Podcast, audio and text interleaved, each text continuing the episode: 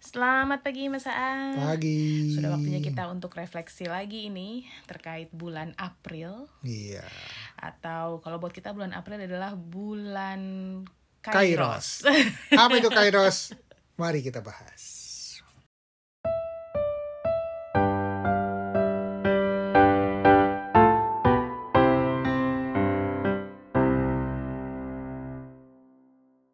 ya, sebelum membahas tentang istilah Kairos, kita eh, ngobrolin tentang anak-anak dulu nih ya Mas Arya. Iya.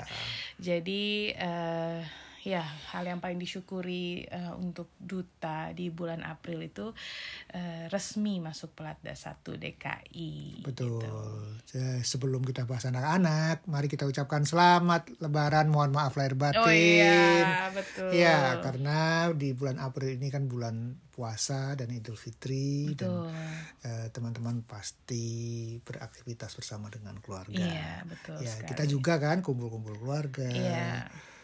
Dan eh, ya Lebaran kumpul keluarga dan kemudian kita liburan gitu ya. ya itu apa uh, ada pasti kayak schedule atau apa gitu ya yang biasanya mungkin teratur di anak-anak menjadi Hmm. teratur terutama kalau yang pulang kampung gitu ya Hmm. ya Hmm. mm, betul Mm-mm. Iya, em, sekali lagi teman-teman semua, mohon maaf lahir batin. eh, semoga eh, ki- ke depannya kita bisa semuanya lebih baik lagi, gitu ya, Mas Ar. Eh, ya, wah, terkait dengan tadi ya, em, yang terjadi sama Duta juga selama di era eh, pulang kampung, kita termasuk yang pulang kampung kan? Mm. itu di era pulang kampung itu ya duta bisa ini adaptasi dengan lebih cepat gitu Adaptasi apa itu? Adaptasi proses belajar ya. Jadi dia tetap fokus gitu kalau menurutku. Walaupun ya pasti naik turun ya dalam prosesnya tapi kan banyak distraksi itu. Mm-mm, mm. kan yang menantang itu dalam proses eh, keseharian anak-anak. Ketika kemudian kita ada perjalanan atau ada apa itu kita punya pola yang kemudian terdistraksi gitu. Dan bagaimana kadang-kadang ada yang dilepas terus ada yang itu kan butuh butuh ini gitu. Ya, eh, teman-teman sekalian, ketika kita menjalani perjalanan, liburan, lebaran dan sebagainya, pilihannya memang eh, kita punya pilihan untuk ya sudah dilepas semuanya atau kemudian Ada ada, hal yang ya, ada hal yang dimaintain ha-ha. gitu ya. Itu yang kemudian menjadi pilihan kita. Dalam konteks di keluarga kami eh, karena tidak banyak kegiatan yang terkait dengan lebaran dan karena ini pulang ke rumah yang kami sempat tinggal di rumah itu kurang lebih berapa tahun tuh lebih dari 10 tahun ya. Mm-mm. Ah, ah, maka kemudian ya sudah kayak kayak rumah sendiri yang kemudian eh, ya anak-anak balik lagi ke pola yang sudah mereka kenal. Mm-mm. lebih mudah Ya, sehingga kemudian eh, betul-betul eh, ya kayak ma- pulang lagi dan anak-anak eh, tidak tidak liburan. Ya, itu itu itu yang membedakan dengan pulang ke rumah orang tua yang biasanya terus ya udah main aja semua. dilepaskan semuanya. Iya betul. Waktu zaman ketika kita masih ada pulang ke Madiun ya Mas Mm-mm. Arya. Nah itu itu momen yang kemudian eh, banyak hal yang dilepaskan ya. Ya, jadi kalau kalau memang lebaran jalan-jalan dan liburan ya memang ya nggak ada belajar dan itu juga nggak apa-apa gitu ya. Nah, dalam konteks pengalaman keluarga kami kemarin kita pulang cepat saat lebaran ya. Eh enggak sih, ya kita biasa sih ya kita ke Lumayan aja. lumayan aja terus kemudian kegiatan sepanjang bulan April itu proses duta tetap berlatih. gitu Iya. ya. Uh, Jadi latihan caturnya dan ketika kami kembali ke Jakarta di rumah Jakarta itu duta memang menyimpan satu perat- satu set peralatan caturnya ya ada papan catur ada apa jam catur. Karena supaya praktis saja jadi kami maintain dua alat dua set alat satu set di Semarang dan satu set di Jakarta. Jadi kalau turnamen di Jakarta nggak perlu bawa bawa alat dari Semarang. Demikian pula kalau ke turnamennya di Semarang nggak perlu ambil eh, set caturnya dari Jakarta. Mm-mm. itu yang memudahkan dan membuat eh, kepraktisan.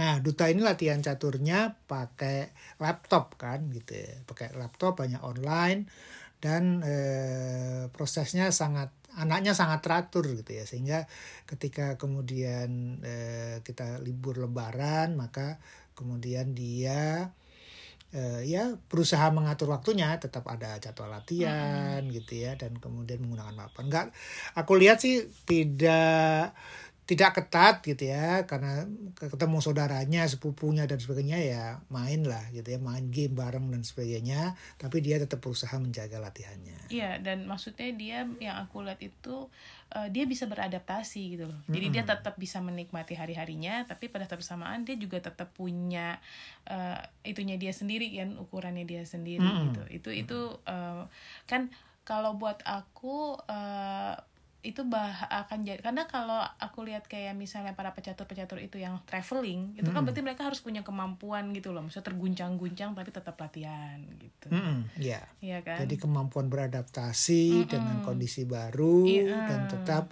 dalam performa seorang atlet. Maksudnya gitu.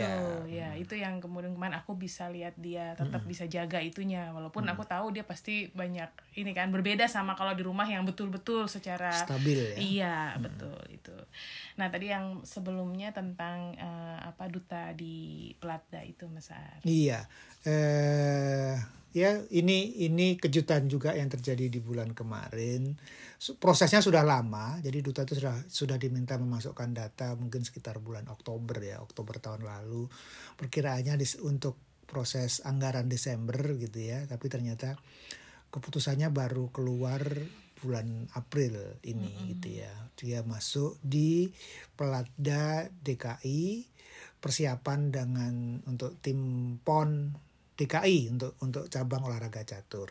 Mungkin nggak tahu nih, mungkin apakah dia masuk sebagai tim PON atau tidak, tapi setidaknya eh, itu menjadi sebuah lompatan, ya lompatan langkah, lompatan prestasi buat duta di dunia caturnya.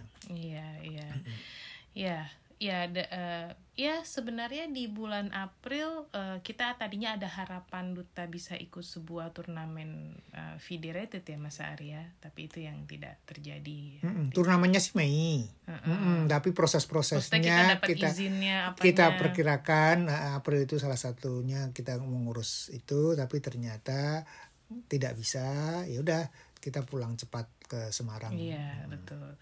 Ya kan berarti kan memang di dalam proses itu banyak hal misalnya kita kemudian punya rencana atau kita punya harapan, oh ternyata nggak mungkin, oh ya udah gitu. Itu kan Mm-mm. sangat mungkin ya Mas ya gitu. Mm-mm, mm-mm. Iya. Eh, sementara kalau Tata itu kalau yang aku lihat sih di bulan April dia lumayan apa ya kayak kan dia nggak ikut bimbel tuh beda Mm-mm. beda dari Yudis yang memang eh, ikut bimbel gitu ya. Mm. Tata kan memutuskan untuk nggak nggak ngambil bimbel dan Ya, dia, dia cuma ngambil tryout tryout Iya. aja, paket-paket yang belajar mandiri. tapi gitu ya. secara re- apa ibaratnya sporadis gitu loh ya. Ti- tidak program bimbel yang setiap hari masuk, Ah, ada ah, latihan yang terprogram atau, sebagainya. iya gitu kan ini berbeda lagi gitu dan dan menurutku ini agak lebih tricky dan agak lebih butuh maksudnya dia butuh effort mengeraskan diri kan karena dia Iya, eh, karena nggak- mandiri karena ya. ada yang nggak- nggak Tidak ada jadwal dari Nah. luar, jadwalnya betul-betul terserah dia iya gitu dia bisa ngatur waktu apa jadi eh, karena dia nanti ujiannya pagi gitu ya sementara dia kan sebenarnya eh, bukan orang yang bangunnya pagi ini juga merupakan eh, bulan Tantangan. tantangan buat dia untuk kemudian adjustment Iya. eh, tiap hari try out terus Karena- kemudian karena bangunnya pagi uh, proses mengerjakan soal siang atau Beda beda waktu kan? pasti beda. iya. Kalau dia biasanya latihan siang kan sudah sudah santai, sudah siap secara mental, sudah tenang baru ngerjain soal. Tapi dia perlu beradaptasi bahwa ujiannya itu jadwalnya jam 7 pagi dia Nah, katanya. itu. Sehingga dia harus menyesuaikan diri jam 7 secara mental harus sudah siap untuk mengerjakan soal, mengerjakan ujian. Itu yang sedang menjadi eh, proses buat buat Iya, udah mana tadi itu eh, dia tidak ikut bimbel. Jadi kan kalau ikut bimbel tuh kayak menurutku apalagi kayak waktu Yudis tuh kan dia ada bang- apa tiap hari pergi gitu ya ke tempat bimbel. Ini kan dia betul-betul di rumah di sendirian. rumah gitu. Jadi apa ya? Tryout juga sendiri, gitu. Iya, nggak kelihatan kan nggak- karena pakai betul. online kan gitu. Jadi itu kayaknya tantangannya berbeda dan ya lumayan mengharukan sih aku lihat dia berusaha mengeraskan diri karena tidak ada yang mengeraskan kan. Sebenarnya eh, salah satu enaknya ikutan hal fisik seperti bimbel itu kan ada pihak eksternal yang mendorong Mm. gitu dan itu lebih mudah kan Iya. sebenarnya ketika kemudian Udah ada yang bawa maksa badan, kita terus gitu. ada lingkungan, ada teman-teman yang juga sama-sama Iya, sedang berjuang gitu. Iya. Tidak ini merasa dia- sendirian. Betul. Nah, ini aku melihat aduh mengharukan banget dia memaksa diri sendiri, mengeraskan ini Iya. gitu. Plus masih bisa bantu masak, Ya. masih bisa jadi tim keluarga, Dan masih dia masih beberapa kali melakukan kegiatan keluar, Betul. ya ikut eh, pertemuan komunitas, Betul. eh, ilustrasi gitu ya. masih jalan sama Masih teman-temannya. jalan sama teman-temannya, kemudian masih ikut kegiatan apa? Eh, jalan di kota gitu ya, atau Dan walking tour kreasi gitu Tanya ya. juga masih jalan kan dia, majalahnya masih terbit. Iya, gitu. jadi, eh, tantangan masih jalan. iya. Buat Tata ini proses menyeimbangkan, mencari keseimbangan antara target personal dia persiapan ujian dengan hal-hal yang lain yang yang yang memang dijalaninya sehari-hari. Iya, betul itu itu. Sama satu lagi dia eh, mendaftarkan sertifikasi walaupun nanti tesnya masih di bulan eh, Ya, eh, di bulan April ini saya sempat ngobrol, kita kami sempat ngobrol dengan dengan Tata tentang proses belajar bahasanya dia. Dia kan belajar Mandarin, mm-mm. belajar Mandarin dan belajar Perancis gitu. Ya, prosesnya kan sudah lumayan lama dan eh, kami sempat diskusi tentang eh, supaya Tata mencoba ikut ikut tes sertifikasinya. Kan kalau di setiap bahasa itu kan kayak TOEFL gitu kan ada nilainya terus kemudian kalau di bahasa Perancis dan Mandarin itu ada level-levelnya.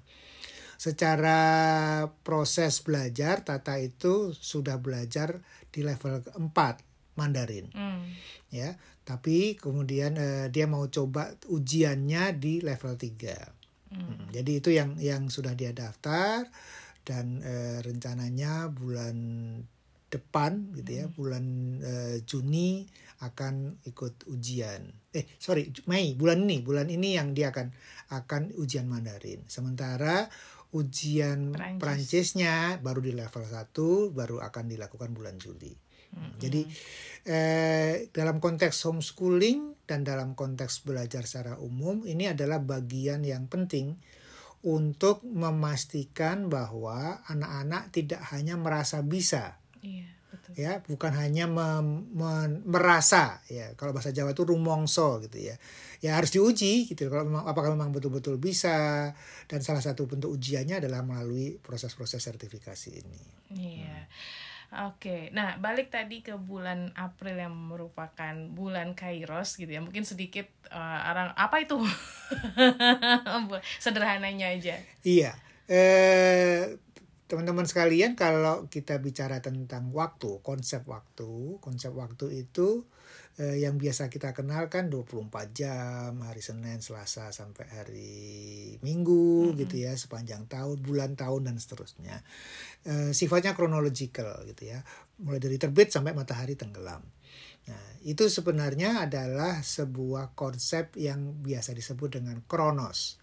Ya, chronos time gitu ya. Waktu chronological gitu ya. Chronological time, waktu kronologis yang berdasarkan eh, urutan kuantitatif dia.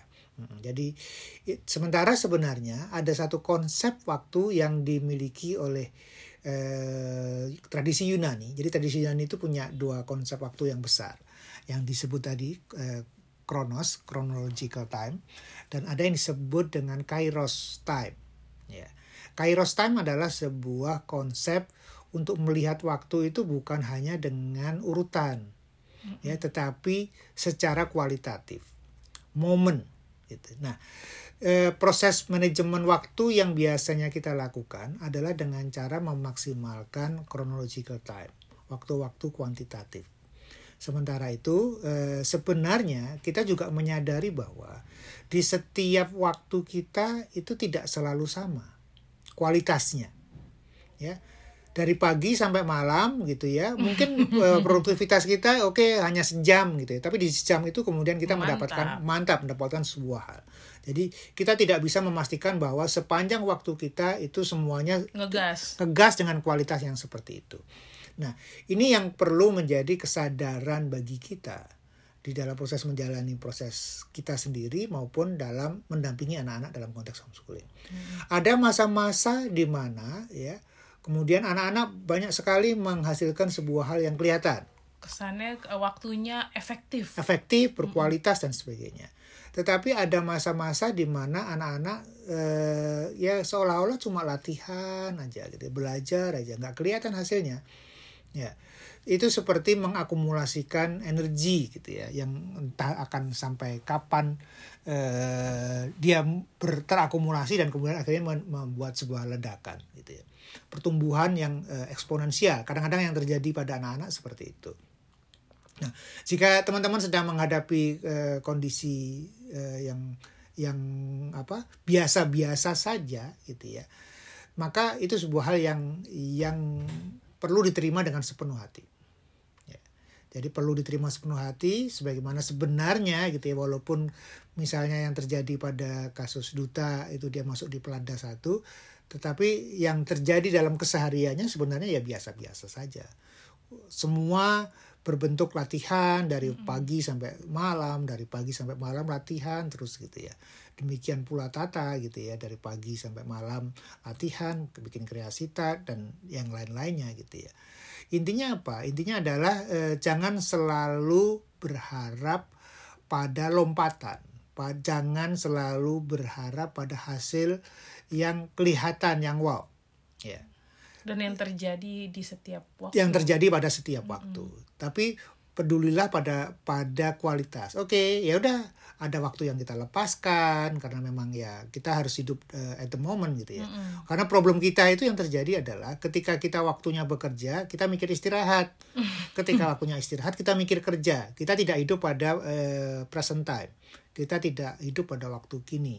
Nah, itu yang kemudian perlu kita kelola dan perlu kita jaga agar ya kita nggak stres. Ya udah kalau lagi liburan ya liburan ya ya udah kalau lagi memang cuma latihan ya udah latihan aja. Nggak ada turnamen nggak ada sebuah hal yang luar biasa yang terjadi ya ya sudah kita terima saja. Jadi sebenarnya yang terjadi dalam uh, kondisi kami dalam bulan April kemarin ya itu. Ya tidak ada hal yang istimewa sebenarnya. Ya semuanya berjalan secara biasa-biasa gitu ya. Tapi kami tahu bahwa itu ada proses yang yang berkualitas yang sedang terjadi. Jadi hmm. kami tidak terlalu mempedulikan hasilnya, tetapi kami mempedulikan bagaimana yang eh, dijalani itu menjadi proses yang berkualitas. Iya. Ya begitu.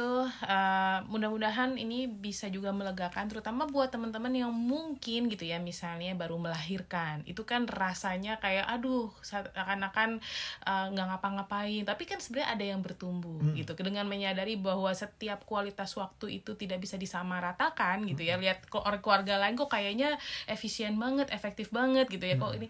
Nah dengan menyadari bahwa kita setiap dari kita punya ukuran waktu yang berbeda-beda, mudah-mudahan membuat kita bisa bisa berproses dengan lebih baik lagi gitu. Oke teman-teman semua sampai jumpa lagi dalam ngobrol bareng rumah inspirasi di episode yang lainnya. Dah.